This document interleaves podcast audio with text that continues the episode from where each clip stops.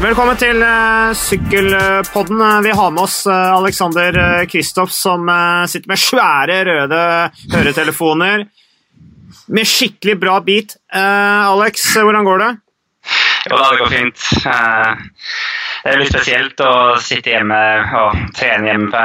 Og kanskje ikke akkurat på denne tiden, men i hvert fall de månedene som har vært. Så så litt uvant, men det er nok å ta seg til. Hage og alt mulig greier å holde på med, så ja, det, det, blir mye hagearbeid? Ja, det har blitt litt nå. Men uh, ja, det er trening som er førsteprioritet. Så får vi gjort det først. Og så ja, er det jo alltid litt vedlikehold med hus, hytte, hage, så det er alltid noe man kan gjøre. Blir du stiv i ryggen da, eller? Ja, faktisk litt stiv i ryggen for tiden, eh, det skal sies. Og det skyldes nok knebøy mest. Jeg har trent en del styrke, for jeg har, har litt styrkeapparater i kjelleren. Så, så jeg har trent styrke de siste to månedene. Men uh, ja, jeg tror det er litt med alderen nå at uh, man får vondt i ryggen, er ikke det sånn? Begynner å bli gammel. Jeg gjør det. Blir 33 år i år. Hvordan går det med gravid kone, da? Jo, det var litt tungt for henne for noen måneder siden. Hun har kommet seg på slutten her nå, egentlig. Så hun er sprekere nå enn hun var for kanskje en måneds tid siden. Hvor lenge til eh, termin nå, da? Termindato er vel egentlig 3. 3. juli, men uh, siden det er tvillinger, så tror jeg de tar de ut ja, Det er senest tre uker før, så det er jo ja, første uka i juni en gang, uh, hvis det ikke kommer av seg selv tidligere. Hm. Men uh, Alex, i går så kom kalenderen, da. Det blir jo mye sånn hvis om at, dersom at vi håper og tror, men allikevel så Tour de France har vært snakket om lenge, starter 29. august. Giron og Spania rundt. Giroen starter 3. oktober, Spania rundt starter 20. oktober. De to kolliderer faktisk første gang på 34 år. Jeg syns jeg leste at to Grand Tours kolliderer. Før gikk jo Spania rundt på våren. Eh, og Det var derfor det kolliderte da med giroen. Men viktigst for deg er jo eh, da disse endagsrittene med Strade Bianche som starter 8. august. Kanskje ikke det store mål for deg, men du har Milano San Remo 8. august. Du har eh, Amstel Gold, det er kanskje ikke noe mål, men Flandern rundt og Paris Rubé som da går 18. og 25. oktober, som betyr at giroen er helt utelukka for deg. Eh, men hva tenker du om eh, kalenderen? Ja, det er som du sier, at uh, hvis det ikke er altså, karanteneopplegg og sånn, så kan, kan, det kanskje mulig å gjennomføre. Men uh, jeg ser ikke helt for meg å sitte to uker i karantene i Frankrike før jeg skal kjøre eventuelt uh, Tour de France, og så skal jeg til Belgia etterpå, så må jeg reise to uker tidligere og sitte i karantene der. Det er, det er i hvert fall mange løp som vil bli vanskelig å få, få gjort sammen. på en måte. Så, så da må de i så fall lette opp litt på det opplegget der. Men uh, ja, det, det, er jo mye visst om at uh, alt uh, går som vi håper, da. Men ja, som sier, Skiven er litt utelukka hvis den planen følges. Så det er jo den uka med Flana rundt og før Flana rundt, og til og med Robert som blir viktig for meg som egentlig skulle vært ferdig nå. Skulle egentlig hatt litt sånn eh, ferdig med sesongen nesten, men, eller skulle kjørt giroen, men eh, ferdig med hovedmålet på våren. Eh, så det kommer jo seinere, så det blir jo å prøve å være i form der. og da ja, har snakket litt med laget og inntatt frem på at jeg ønsker meg å kjøre Tour de France som en ja, komme inn i løsrytmen og få kjørt formen og være der er klar når de løpene jeg ønsker å kjøre, eh, kommer. Eh, alle har jo lyst til at sykkelen skal begynne igjen, selvfølgelig. Det tipper jeg dere òg har lyst til. Eh, men har du eh, reservasjoner mot å reise rundt om i, i Sør-Europa og konkurrere, eller er det noe du prøver å ikke tenke på? Jeg ser at det er fortsatt en stund til vi skal kjøre løp, så, og det virker som det er mer under kontroll lenger sør i Europa òg. De har begynt å åpne litt opp, så vidt jeg har fått med meg. Så ja, jeg satser på at noen måneder til eh, vil gjøre susen, at eh, det er rimelig trygt å ferdes eh, hvor som helst. Men ellers så tviler jeg jo ganske på hvis det ikke er trygt at det blir noe løp i det hele tatt. Så da slipper jeg den problemstillingen, egentlig. Ser du det som realistisk at det blir Tour de France?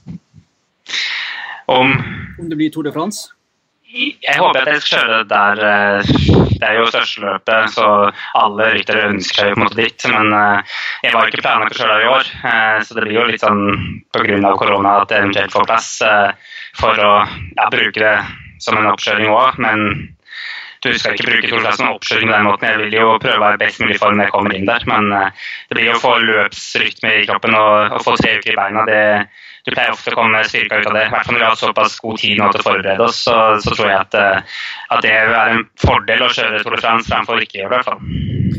Men eh, det blir jo en ekstremt uh, intens uh, sesong. Altså, jeg så en belgisk professor i går som heter Dam van Ritt fra Belgia, som er veldig opptatt av dette med TV-dekningen til sykkelsporten, og fører veldig mye statistikk på det. Han sa altså mellom 29. august, da, hvor Tour de France starter, og 8. november, hvor da sesongen avsluttes, så er det 72 dager.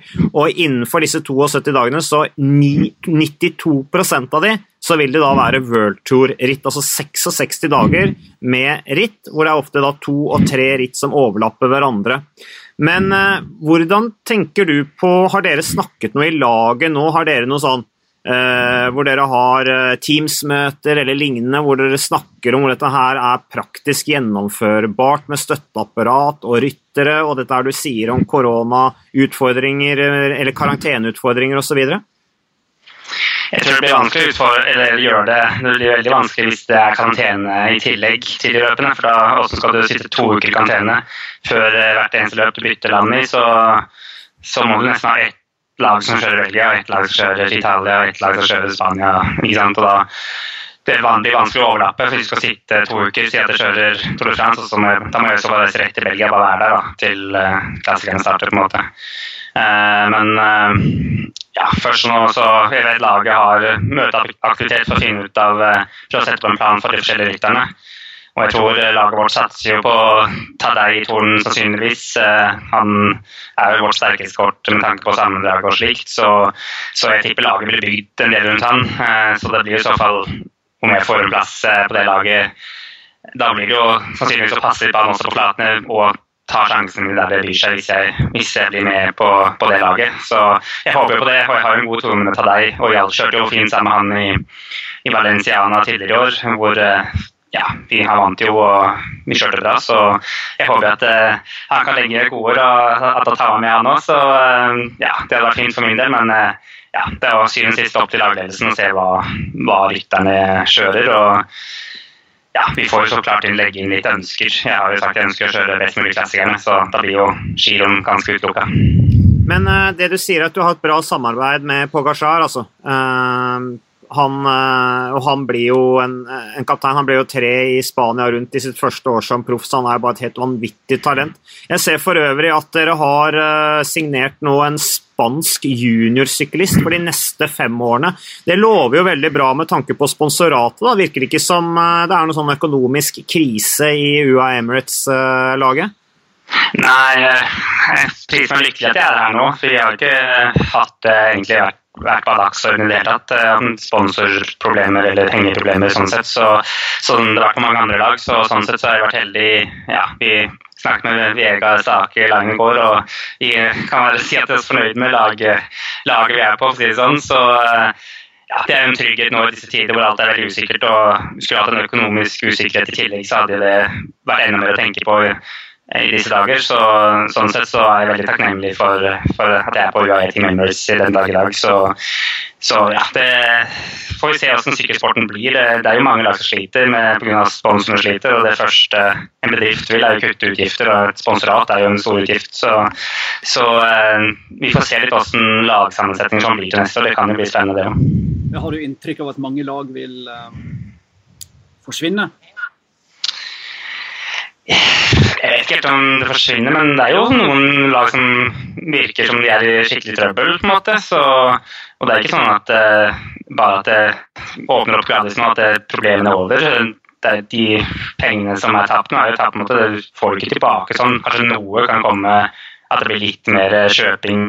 og Folk handler litt mer enn det har gjort før etterpå, siden de kanskje tre måneder nå ikke har handla så mye. men men jeg tror nok mye er tapt, sånn sett, og det er ikke sånn at du plutselig bare får det tilbake. Det blir jo ja, så, så, det er litt vanskelig å se. det. Sykkelsporten er jo avhengig av sponsorer, og ja, det er jo bedrifter som eh, må ha en sterk økonomi som eh, kan gå inn. Så det virker jo som mange, ikke alle områder, men mange områder økonomisk sliter jo nå. Så det, det er jo ikke positivt for sporten vår, det. Jeg ser eh, UAE også har kjøpt opp Colago, som er sykkelmerket dere sykler på. Eh, det gamle, tradisjonsrike sykkelmerket Colago.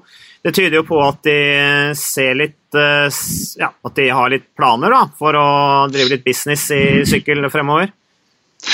Ja, det er store planer, så jeg føler eh, lagledelsen og sponsorene våre på den måten. Ikke minst, eh, de har store planer for laget og ønsker at de skal ta steget mot å bli det beste laget i World så, så, de bygger jo måte, sten for sten. Og jeg har jo sett store, eller følt at det har blitt bedre med de årene jeg har vært her allerede. Eh, men de har et langt perspektiv. De, som du ser, de signerer unge ryttere, junior på fem år, så da har de jo et perspektiv på hvert fall fem år at han skal begynne å prestere. på en måte, så så uh, han har prestert veldig godt i junior, men uh, igjen, det er jo noe annet å kjøre i proff. Så, uh, men jeg syns vi har signert mange unge lovende ryttere som sannsynligvis og forhåpentligvis blir bedre år for år, og da vil jo laget bli sterkere av den grunn at de blir eldre.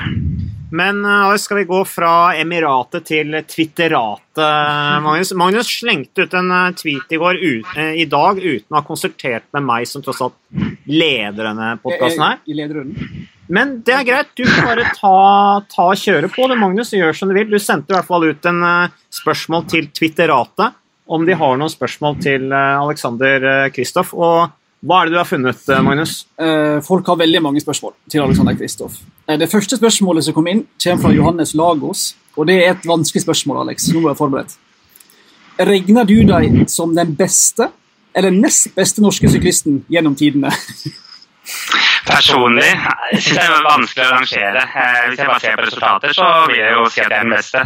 Det kan du se på sånn Se på rankinger som tar alle løp folk har sykla, så er jeg trolig øverst. Og da vil du egentlig bare se på en sånn liste og si ok, jeg var sjøl best. Men Husodd vil jeg jo Det er jo så for meg eller han, da. og han kjørte på en annen tid. Jeg følte hakket flere som juksa litt på den tida der eh, enn kanskje når jeg sykla. Selv om det har jo vært folk som har eh, dopet seg sånn på min tid òg, men det var nok hakket hardere eller verre på den tida når han var på topp. og han har også prestert noe vanvittig i Tour France, som er det største. på en måte, så, Og VM. Hadde jeg vunnet VM i Bergen, så kanskje hadde jeg ikke vært i tvil. Men men de syns jeg det han presterte, i det, det, er utrolig stort. Og så mangler han jo litt i klassikeren igjen, som jeg har gjort det bedre. Så, så det er vanskelig å rangere det opp. Men poengmessig så er jeg jo, er jo best. Men uh, ja, det, det, er jo vanskelig å si at han var best, for det er forskjellig tid og det er forskjellige løp. Så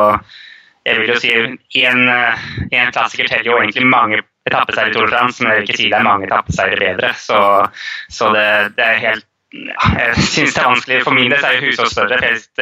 Du føler ikke dine egne resultater jeg føler jo Hvis du er oppi det, så jeg det ikke så stort. Kanskje om et par år når du tenker meg tilbake. så Nå føler jeg jo Flandern og San Rema er ganske stort, men akkurat da jeg var der, så ja vel, så var du bare oppi det. og Det, det var ikke, føles ikke så big deal, liksom. Men, eh, men eh, jeg får spørre meg noen når jeg har lagt opp.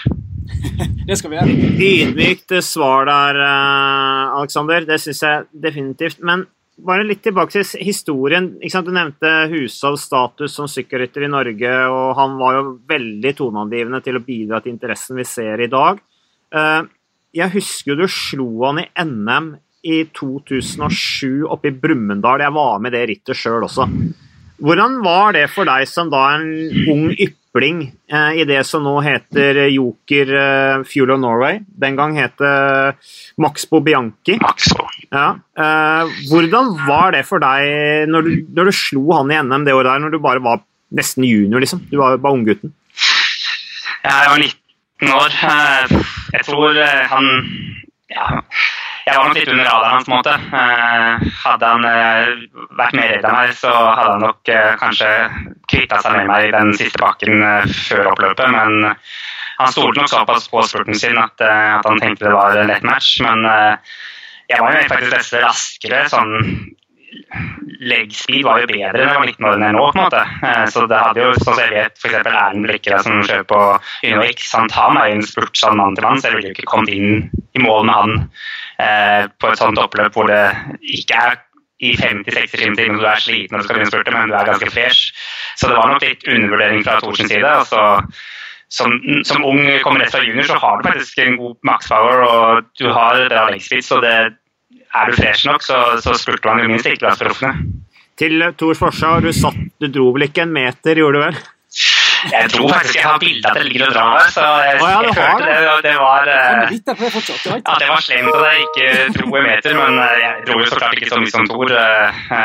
Vi var jo også flere på laget. Jeg hadde Fredrik Wilman husker jeg med meg som hjalp meg òg, så ja, det, det, var et stort øyeblikk. Det var min største seier tilbake der, og jeg husker fortsatt følelsen. og jeg jeg husker jeg kom jo litt seint til premieutdelinga, for jeg var så sliten. Jeg hadde krampe, jeg kom ikke av sykkelen etter målgangs. For jeg klarte ikke å løfte foten av over sykkel. Så det ble stående der i ti minutter før jeg kom. Jeg veit uh, Tor uh, ja, er litt bitter på den der fortsatt. Det er lov. Det er lov. Sånn er det. Vi har spørsmål her, Alex, fra Andreas Trohjell. Hvordan opplever du norsk media kontra andre medier? Altså, er norske medier opptatt av andre ting enn andre? Jeg føler ofte norske medier er litt mer gravende på forskjellige ting, kanskje. Jeg liker har litt problemer og ja, jeg husker I Tour de France i fjor så var det jo mye gravende spørsmål, på en måte, og hvorfor ting gikk dårlig og sånn. Så, mens når jeg snakker med utenlandsmedier, er det litt mer, kanskje litt mer overfladisk, men det er kanskje også naturlig siden jeg er norsk og dere vil gå litt dypere inn i sakene. Men jeg føler det tar kanskje litt mer opp problemene enn det positive i norsk media kontra andre medier jeg snakker med. Så du syns vi er skikkelig negative? Nei, ikke Det høres jo veldig opp på da. Hvis det går bra, så blir det jo ja, får du ros opp til skyene, så blir det jo høy eh, høyt fall ned hvis det ikke går så bra. Så hvis det, jeg leser ned i nummer to f.eks. i Almeria, så ble det Kristoff knust på målstreken. Jeg slo jo tross alt resten av feltet, men det ble jo knust. Så jeg leser jo ofte det. Blir knust eh, som regel, så er det negativ vinkling. Det du sier er at norske media er maniske. Var det, var det det han sa? Nei, det er sånn jeg tolker han. Vi er maniske. Opp og ned. Veldig begeistra, og vi er veldig langt nede når det går dårlig. Da er du manisk. Depressiv, kalles det. Men er det noen mer spørsmål der ute på Twitter, at, ja, Magnus? Uh, en fyr du kjenner som heter Jens Haugland, Alexander Kristoff, spør skal Kristoff sykle fra, for et lag fra Norge igjen. Kan jo bare nevne at Jens Haugland er eh, manager i UnoX-laget. Eh, så det kan jo være at fremtiden er sikra med det spørsmålet, Alexander? Ja, det skal ikke se bort fra det. Jeg syns UnoX har gjort store ting, og de løpene jeg kjørte med de har uh, vært veldig, veldig imponerende, egentlig. Også i fjor, jeg kjørte med noen løp i fjor òg, uh, og syns de tok tak i løpet som om det var profflag allerede i fjor. og Nå har de ikke fått selv vist seg så mye frem i år, dessverre, men de få gangene de har kjørt, har vært, vært bra. og ja, det skal aldri si aldri. Det, ja, jeg er åpen for, eh, for, for, det i fremtiden. Men eh, ja, nå foreløpig så er jeg jo veldig nært forhold til eh, Team Coop og ja, trener mye med de på fritiden eller når jeg er her hjemme, og kjører også med de i Norge, så kanskje jeg avslutter der òg. Det har vært en fin gest til de som har stått bak meg i mange år. Apropos det, Alexander, vi kan jo nevne der også for, for informasjonens skyld at du er medeier. Er det du som har skutt inn hele egenkapitalen i det laget? Nei, det er det ikke. Eh, jeg er en tredjedel eier eh, sammen med ja, bl.a. Coop, så, så, er det jo klubben her i Stavanger-distriktet med, eh, med Nordsjøritt i, i bånn. Så det er jo tredelt, og ja, det er ikke jeg som har skutt inn cash, det er det ikke. Men men eh, ja, jeg prøver å bidra med det jeg kan, og så har vi jo et godt treningsforhold her eh, med noen av rytterne. Så trente jo senest i går med mister 1000 km som sykla her for noen uker siden. Har han restituert seg, eller? Ja, Han var sprek i går, men han er god i bakre, da, så det var jo egentlig han som satte farten, vil jeg si. Så prøvde vi andre proffene å henge oss på, men uh, tok han på siste intervallen, så var jeg fornøyd. Bystøvler ligger han bak skjemaet, eller? Så han havna litt ned i bakken der? Ja, han gjorde det. Havna litt bak i leksa. Han var jo ganske lenge i UAE uten å få trent, og så har han slitt litt med kne og litt trøblete kne, så han har ikke fått trent helt det han skal, men han er begynner, og han er tilbake i trening, normal trening nå, så jeg er nok ikke så lenge for får uh, holde han bak meg før det er til normalen igjen. Han har jo blitt eh, far òg nylig, så eh, det er vel litt sånn overgang for ham. Og du gir han mye gode råd nå, eller? Eh, med din visdom på akkurat det, der er du god. Ja, jeg sier bare overlate alt til kona, og så bare leve akkurat som normalt. Det er ditt råd, ja. det er mitt råd. Nei, ja, Du sykler jo for UAE, så det passer jo litt sånn bra, de holdningene, egentlig. Da. Altså, jeg tror nok det har vært en liten overgang for ham. Det er det jo. Det er jo Søster Ingrid har jo blitt mye mer opptatt eh, med amming og med Ada, så da blir det jo husarbeid som faller litt ned på han. da, Så det er nok litt eh, mindre sitte og ro og slappe av. Han merker nok litt på det, eh, men det går seg nok fort til, det. Du, det er en som heter Daniel, som sendte inn mange spørsmål om samme tema, Alex. Det handler om det du nevnte med UAE og um, andre verdier, for å si det på en fin måte. Uh, jeg tror jeg skal omformere spørsmålet litt. Jeg tror han egentlig spør om er Hadde du noen moralske betenkeligheter med å signere for et lag fra et, si, en, et land som ikke har helt samme verdier som oss i Vesten? Nei, egentlig ikke. Eh, men eh, ja, det, jeg tenkte jo litt, men jeg har jo kjørt på Katusha. Russland har ikke kanskje helt lik verdi som i Norge heller. Så, så det, ja, det, var egentlig mest forskjell hva de lovte meg, på en måte, hva de tilbydde. Og så, så kom jo det litt i andre rekke, men jeg føler alle ganger jeg har vært i UAE, jeg har vært på ferie tidligere òg, det er jo rimelig vestlig og ikke veldig men jeg har ikke merka veldig stor forskjell. Eh, når jeg, sånn, når jeg møter sponsorer, sånn, så er det jo det er veldig vestlig, og det er jo null stress sånn sett. Det du sier, er at uh, det er ikke lett, uh, akkurat det der situasjonen der. Um, med, ja. I forhold til å forholde seg til sponsorer og sånne ting. Du har jo mye av de samme sponsorene som også går igjen i en del andre idretter, bl.a. Uh, fotball, hvor det jo også har vært en stor diskusjon om det der. Så det der, der, er ikke rett, men du, uh, svarer i hvert fall på spørsmålene. Det skal du jo uh, ha. Har du, fått, har du fått noen reaksjoner på det, eller? Fra så klart det er noen som er negative eh, til UAE, blant annet, men jeg føler jo OK. Kanskje ikke alt er perfekt, men det er jo ikke Saudi-Arabia er jo vesentlig verre igjen. på en måte, Det er jo det er land som har helt andre verdier enn UAE. UAE er rimelig vestlig sånn sett i den forstand. Eh, selv om det er et muslimsk land, eh, så, så føler jeg det er ja, et av de beste muslimske landene sånn sett med tanke på menneskerettigheter og slike ting. Uh, apropos en annen ting uh, Apropos en annen ting. uh, noe helt annet, faktisk. veldig annet òg. Mikael Mørkhaug. Jeg kommenterte jo banesykling i vinter, og han er jo en av verdens beste baneryttere. Kjørte Madison der og er kjempegod. Gjør en kjempeinnsats som opptrekker. Savner du han? Det er William Borge som spør på Twitter om det. Savner du han, og hvorfor er Mørkhaug så bra i, i opptrekksrollen?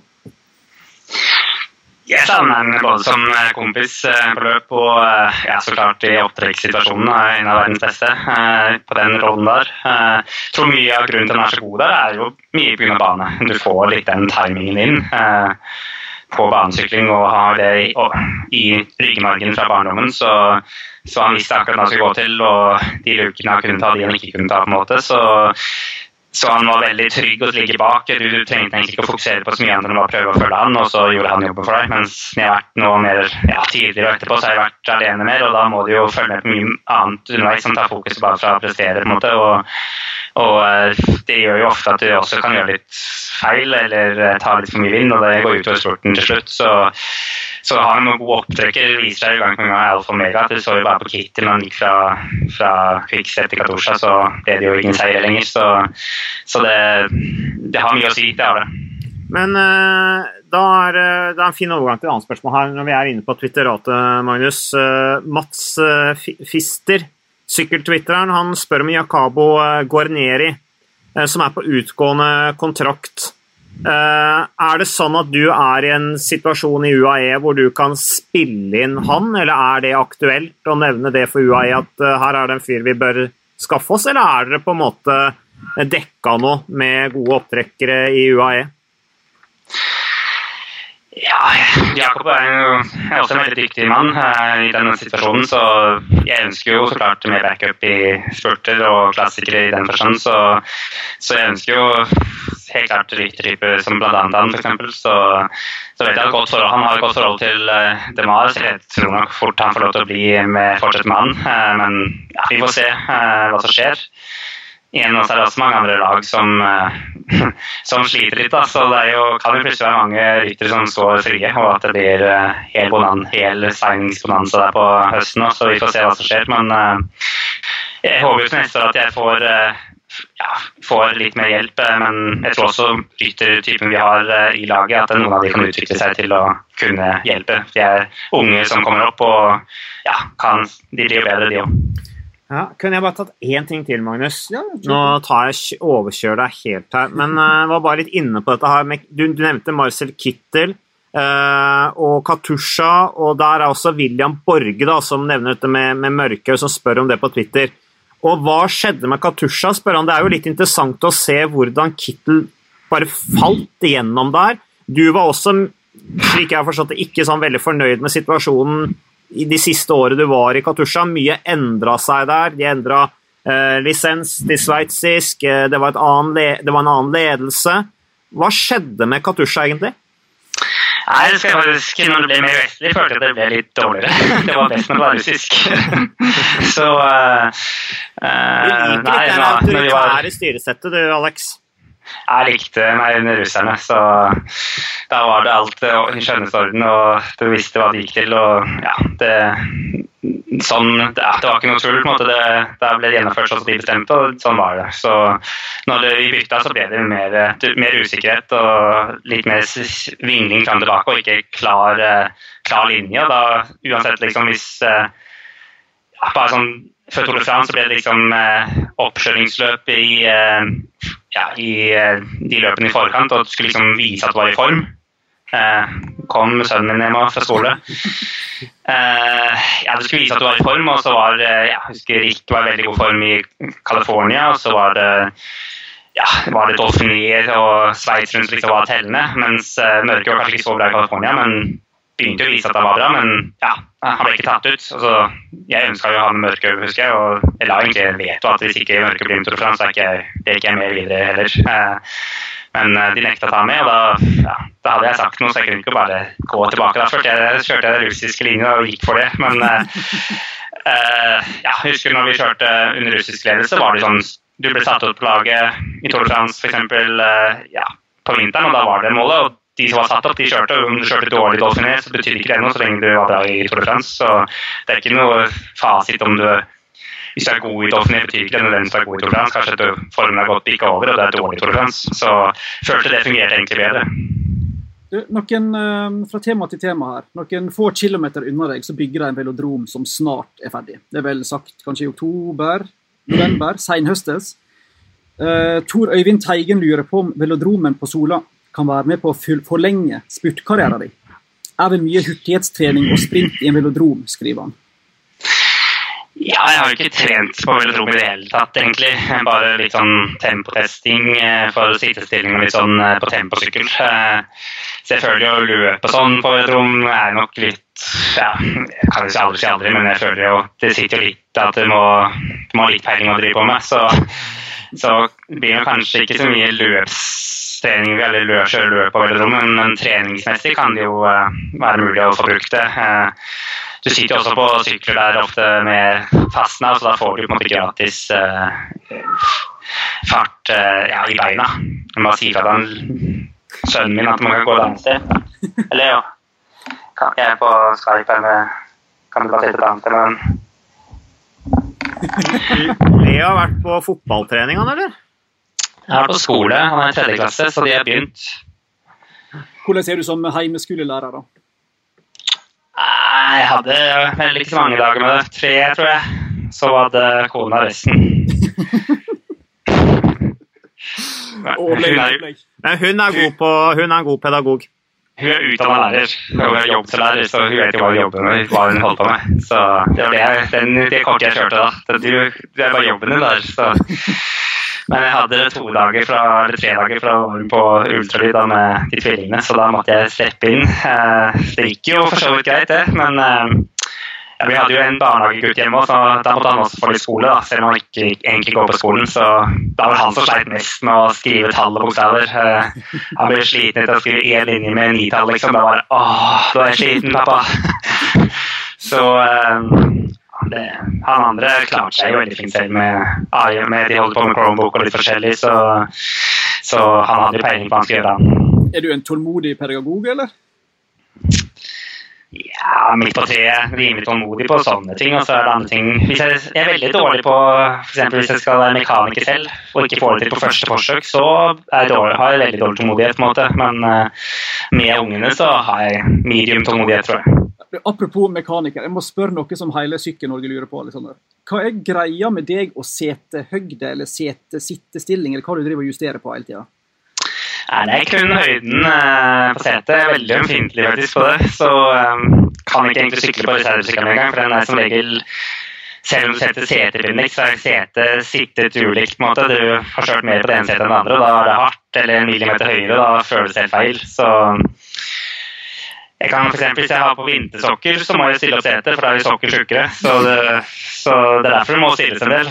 Og hvis det blir veldig kaldt, så musklene blir litt strammere, så må jeg så stille ned. Fra, og hvis det er veldig varmt, opp, fra blir musklene lenger. Så jeg er veldig sensitiv på greiene der. Så det gjelder helst skal det være jevn temperatur på hele treningen. Er det tvangstanker eller fysiske grunner her? Jeg kjenner jo på tråkket at det blir tråd mer med hælen enn jeg ønsker. Så det er jo fysiske fysiske grunner til at jeg må stille, det er jo fordi at uh, tråkket blir feil. Men uh, Alex, jo, man blir jo skada, ikke sant? Altså, du, du blir jo miljøskada. Uh, det er jo fordi du sitter for mye på sykkelen, du sykler for mye. Jeg bare så litt på statistikken din. Uh, altså, du har, Siden 2004 så har du 1001 konkurransedager. du har altså sykla 161 715 km med konkurranser. 80 seire, 415 topp 10-plasseringer. Uh, og eh, det er klart, da blir du litt prega uh, av det. Og så litt dette her med, med, sesongen, bare for å, for å avslutte med, med det. siden 2010 så har du avsluttet sesongen enten i september eller oktober hvert eneste år. og nå blir det jo snakk om å konkurrere til ut i november, men Paris-Roubais er jo da i oktober. Og så er det tilbake til da dette Twitter-spørsmålet. Paris-Roubais blir jo kjempeviktig for deg, selvfølgelig, eh, i år. Det er jo derfor du kutter ut å delta i giroen. Og så er det da Andreas Heier Rød som spør eh, hvor, hva skal til for å vinne Paris-Roubais, for det er jo et ritt du har sagt tidligere at det er egentlig ikke noe jeg liker så godt, men det burde jo egentlig passe deg veldig bra. I hvert fall sier jo vi kommentatorene det, da. Ja jeg, jeg har følt meg egentlig Hvis jeg ikke har problemer, så har jeg faktisk de to gangene jeg ikke har punktert eller krasja, så er jeg blitt topp ti. Så jeg tror egentlig nøkkelen ligger at jeg ikke skal punktere eller krasje, men uh, Du må kjøre ja, sånn tubeless, da. Du må kjøre sånn tubeless, da. Ja, det kan jo funke med Ulrik. De hadde kjørt tubeless og ikke punktert, men de hadde større diameter. Problemet i fjor hadde jo aerosykkelen, og den kunne maksa 26 dekk i, så det funka jo i alle belgiske klassikerne, men på Robert så funka det ikke riktig gang. Eh, så um, ja, jeg tror for min del og min vekt så må jeg egentlig ha 30 dekk minst. Så, så, det er litt der det ligger. Er det tørt, så går det akkurat i ramma jeg har nå, men er det vått, så fester det seg ut, så da skraper 30-dekkene i ramma. og da må jeg egentlig ha 28-dekk, for jeg har kjørt i gjørme, kjørte i gjørme, og det skrapa ramma. Da skrapa det så mye i ramma at jeg punkterte, for det ble så, mye var, det ble så varmt at det bare sprengte. Så, så det er litt Vi har ikke en helt dedikert sykkel heller nå til Robé. Selv om Colnagoen, den jeg kjører på nå, den, det er den beste. måte. Klatresykkelen føler jeg er den beste. Ellers er det C64, men jeg jeg liker bedre den klatresykkelen VTR, og den har rimelig god clearance, men eh, det, det ligger mellom 28 eller 30 dekk det står på, og jeg føler min vekttype trenger egentlig 30 dekk for å være mest mulig sikra og slippe unna punktering. Men Colnago har jo så lange tradisjoner med bl.a. å levere sykler til gode sykkelcrossryttere, så de må jo kunne lage en skikkelig Paris Rubé-sykkel til deg? Ja, men eh, det, det, er vanskelig å lage en, eh, en, helt ny ramme. Da må du jo ha en helt ny mål. på en måte. Eh, de har jo den C64-ramma som de mener er den beste, men jeg liker ikke den geometrien eller den feelingen den sykkelen har. Den kjennes så gammeldags ut. og Det er jo en veldig gammel måte å bygge sykler på, med de rørene som kobler sammen. Så, og jeg, jeg, har ikke følt meg til rette for den sykkelen, mens noen ryttere på laget liker den jo. men mens jeg liker jo den klatresykkelen jeg har nå, den letteste ramma vi har. Det er den jeg har trent på i år og kjørt løp på i år. Eh, ikke elsykkelen, faktisk. Eh, Så uh, ja, jeg trives på den, og det er jo rett og slett den som er også best med meg i klassikeren og den som kjentes best ut på Brostein når vi testa. Men du går for seier, da, i Paris-Roubais? Ja, jeg prøver meg med i hvert fall 28 dekk i år, og ikke 26 dekk, så får vi se om det hjelper. Ja, nei, men uh, Magnus, uh, det er uh, Vi har fått fyrt av noen spørsmål, og du har brukt tid. Nå kommer familien hjem og, og skal sette seg ved middagsbordet etter hvert osv. Så, videre. så du får ha masse takk for at du stilte i Sykkelpodden, Aleksander. Hyggelig. Så får du ha masse lykke til videre. Så ses vi ute i feltet. Yes, supert. Takk, takk. Ha det. Ha det. Ja, da er vi tilbake. Det var en uh, bra samtale med uh, Alexander Kristoff, uh, og det blir jo veldig spennende å se om det blir, om det blir noe sykkelløp, vissematte, dashmatte, som jeg sa. I så fall så får vi jo en ekstremt hektisk høst. Altså disse dagene, hva var det, 75 dager med 92% av dagene hvor det er sykkelløp, og ganske betydelig mengde av de igjen, hvor det er både to og tre sykkelløp samtidig som alle er på worldtour-nivå. Um, ja, vi får nok å gjøre. Ja, vi får bare um, krysse fingre og tær og alt vi har for at det skjer. Jeg tror veldig mange, eller jeg veit veldig mange savner det. Uh, det kan bli kjempehektisk, som du sa. Det kan bli helt tomt. Uh, sånn helt personlig så er det så er jeg veldig usikker på hvor mye sykkel det egentlig blir. Vi hadde jo en slags um, tele telefonkonferanse, heter det vel på fint, med um, David Lapartien, altså UCI-presidenten, um, tirsdag ettermiddag. Og der uh, Han var fin, han har svart på spørsmålene våre. Um, men han sa jo òg at han var uh, langt fra sikker på at det blir uh, Tour de France. Men at jeg spurte jo om han om de risikerte å gi ryttere, lag og publikum falske forhåpninger når en går ut med en såpass stor kalender på dette tidspunktet. Uh, all den tid UCI heller ikke så som arrangør av noen av disse. Uh, nå sa han at selvfølgelig kan det hende at vi gir uh, fansen falske forhåpninger, men sånn som vi ser det, så har vi ingen alternativ. Vi kan selvfølgelig si at sesongen er ferdig i mars eller april, og at vi snakkes på Tour Down Under i 2021, sa han. Men vi følte ikke at det var et alternativ, så vi gjør det beste vi kan for å være klare til en eventuell restart, og så får vi bare krysse fingrene for at det skjer. Um, men det er jo som Kristoff òg er inne på her og, ja, Kristoff er jo han er jo en, eh, en, drøm å intervjue på den måten at han alltid svarer akkurat det han tenker. Da. Eh, det er en veldig sjelden ting i, i norsk idrett. Um, så det er jo en takknemlig oppgave. Men han er jo ærlig på at det er jo ikke sikkert han, Det skinner jo gjennom at det er vanskelig å planlegge her. da. Du kan selvfølgelig prøve å prikke ned toppform til um, Tour de France tidlig i september, eller for hans del da, Robé og Flandern i, i oktober. Men um, ja, jeg vet ikke helt hvordan du planlegger den uh, Altså, de trenger en del oppkjøringsritt. Sant? Det er jo ikke sikkert at Dauphiné blir noe av før Tour de France, f.eks. Så det er mange spørsmålstegn, uh, men han virker iallfall uh, oppegående og um, ved godt mot, i motsetning til en del idrettsutøvere der ute. Alexander Kristoff. Ja, jeg tenker For uh, Aleksanders del så er han såpass robust som uh, utøver, da, rent fysisk sett og også mentalt. Uh, han virker veldig sånn rolig.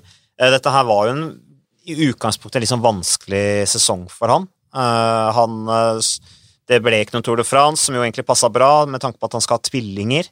Um, han uh, han satsa på klassikeren, og så sa Det skinner jo litt sånn igjennom i den praten vi hadde her med, med Christoph på, på, på, Skype, at det var liksom første del av sesongen som var det viktigste.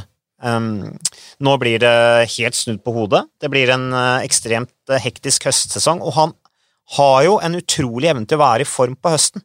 Det har han jo vist. Det har vi jo sett gang på gang. For det første så har han fullført omtrent alle sesongene han har kjørt på høyeste nivå ut oktober, eh, og han prikker inn formen til VM. Så dette er noe han kan. Jeg tenker at han kjører Han ønsker å kjøre Tour de France. Én eh, pga. det er det største rittet, det er de sportslige mulighetene, han kan vinne en etappeseier og gjøre det bra og være i, i der det skjer. Men jeg tror også at Tour de France blir en viktig sånn en perfekt oppkjøring til klassikerne, tenker jeg. Hvis han får, får, det i beina. Og jeg tror at det er de færreste som kommer til Tour de France og er egentlig 100 eh, på en måte forberedt, da. Eh, men Kristoff har også hatt den fordelen at han kunne sykle ute hele tiden.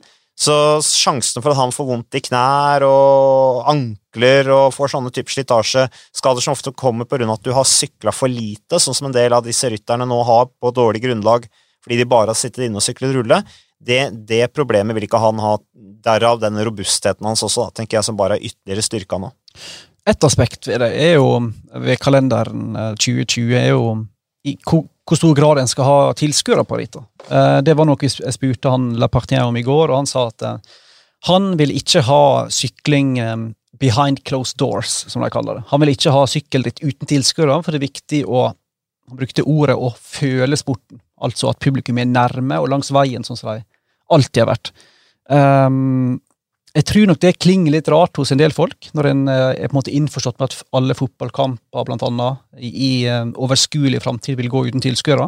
Hva tenker du om at presidenten sier at han vil ha tilskuere i Sør-Frankrike i august?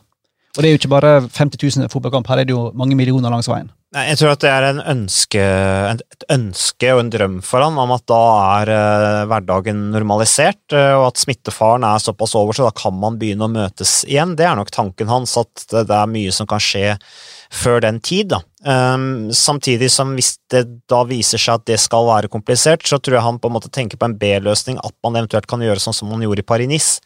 Uh, og hvem som helst kan jo gå ut av huset sitt, stå langs veien og se rittet passere men at man legger opp til at det ikke blir noe arrangement i start- og målområdet, sånn som jo Tour de France er kjent for å lage kjempefest akkurat der, da. Men man kan jo ikke hindre folk i å gå ut i løypa og se på, men jeg tipper de kutter ut reklamekaravaner, de kutter ut sånne ting. Uh, og at bare rittet feier forbi, og så går folk inn til seg og ser, på, ser resten på TV. Kan du kanskje forklare meg en ting? Det er noe jeg har lurt på i denne debatten med, med Sykkelkalenderen 2020. Uh, UCI, altså Det internasjonale sykkelforbundet, har da uh, publisert en kalender uh, som, uh, så vidt jeg vet, som første internasjonale særforbund i noen stor idrett, har kommet med en slags um, konkurranseplan. samtidig som de da altså ikke står som arrangør for noe annet enn EM og, og VM, og ikke kan tvinge noen til å arrangere noe, og ikke kan pålegge det, og ikke har kontroll over de ulike landene sine helseregler, smittevernregler. Hvordan kan UCI komme med en kalender når de ikke har makt over noen av faktorene som styrer om det hele tatt blir en kalender? Nei, det er jo eh, som uh, Igjen, jeg tror det er en ønsketenkning, og på en måte at de føler et press på han, uh, å handle. Uh, og dette er at de sniker inn Tour de France for damer også, det tror jeg på en måte redder de litt, da. For det har jo vært veldig mye fokus på Paris-Roubais du tenker på? Ja, så hva sa jeg? Tour de France. Ja, jeg mente Paris-Roubais spiller for damer. Uh, unnskyld. Så, så, så, kommer den også, så får de på en måte dempa støyen fra damefeltet oppi det hele, da. Uh, det var for så vidt et sjakktrekk av, av Pardia og Internasjonalt Sykepleierforbund, men de, eh, det er jo innenfor uh, Europa, dette her, da, så de har vel kanskje en forventning eller forhåpninger om at her skal det være sånn relativt likt mellom Italia, Frankrike, Belgia, Spania At de har, føler vel kanskje at de har en viss oversikt da, over akkurat det ø, området i Europa. Og forhåpentligvis kanskje noen ø, kontakter som sier at jeg tror dere kan ta sjansen på at det her skal gå, men de sier vel også, Internasjonale Sykkelforbundet, i disse pressekommentarene de har, at man vet jo ingenting, man har ikke garanti for noen ting, men hvis ting går bra, og vi får klarsignal, så, så er dette her det vi ønsker å gjennomføre. Og det tror jeg nok er eh, smart, for da skaper det i hvert fall forventninger også uh, ute hos sponsorene, publikum. Det skaper oppmerksomhet, uh, og da blir sporten aktuell, sånn som jo det er en kamp om nå. De som ikke gjør noen ting, ikke annonserer noen ting, ikke kommer med noe med mål eller, eller ikke har noen planer i det hele tatt, annonserer noen som helst planer, de er veldig defensive, tenker jeg, og det vil de tape på. Ja, La oss ta den debatten når vi først uh, sitter her, uh, Mats. Uh, diskusjon i Idretts-Norge om dagen. Dette her er jo spilt inn på onsdag. På torsdag så kommer det jo den her etterlengta beslutninga om spesielt da åpning for fotballen, og òg ei gradvis økning av Eller åpning for idrettslige aktiviteter på et generelt grunnlag. Um, fotballen har jo på en måte um, skal vi si, stilt seg først i køen her, med et veldig nøye planlagt eh, eh, måte å arrangere kamper og treninger på. Har kommet med eh, veldig grundige protokoller på alt fra hvor eh, utøvere skal bo hvem de ikke skal omgås på fritida, hvordan de skal testes for korona før og etter trening, etc.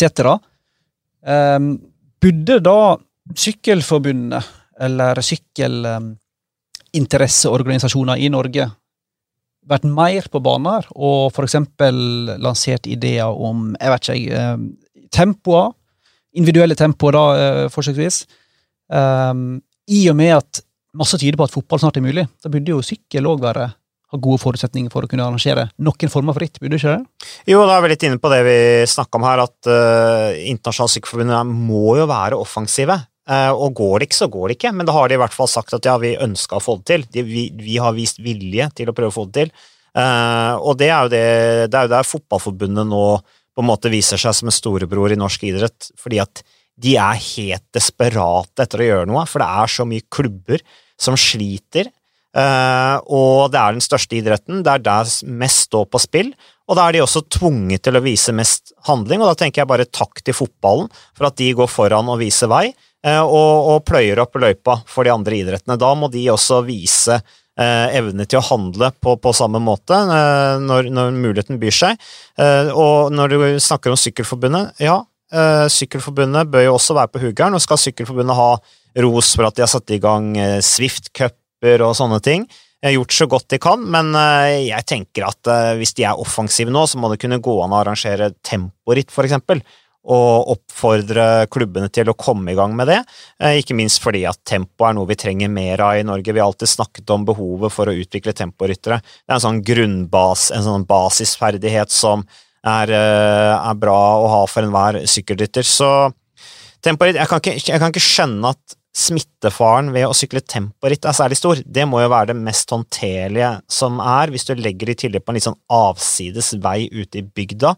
Eh, så kan ikke jeg se at det veldig, representerer veldig stor fare. Bare for å skru klokka litt tilbake igjen. Første spørsmål Alexander Kristoff fikk, var jo fra Johannes Tvorak Lagos om han syns han er den største syklisten i, i norsk historie, eller nest største.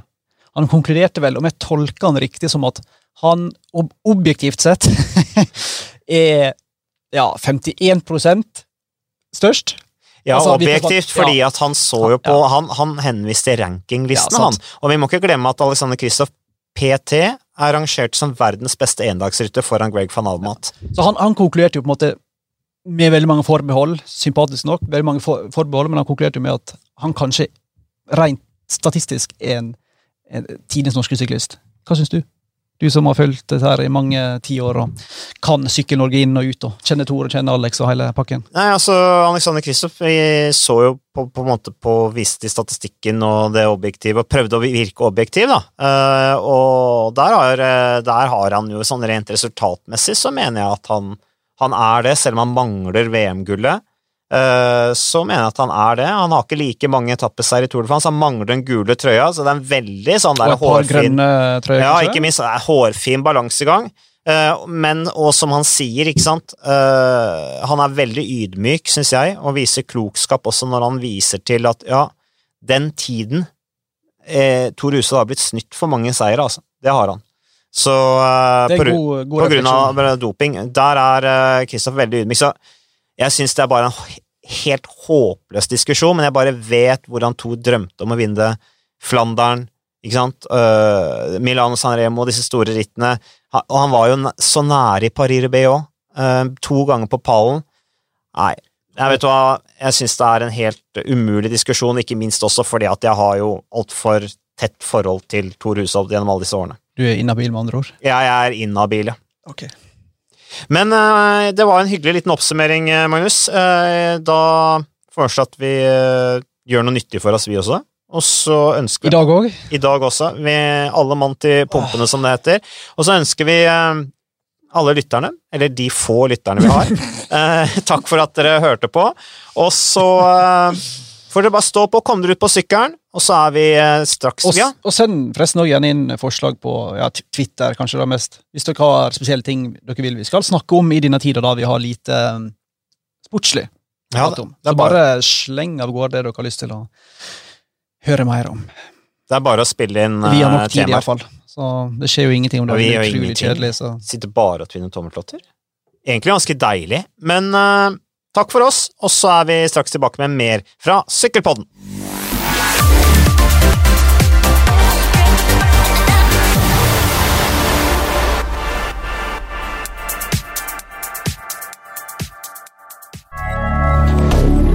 Moderne media.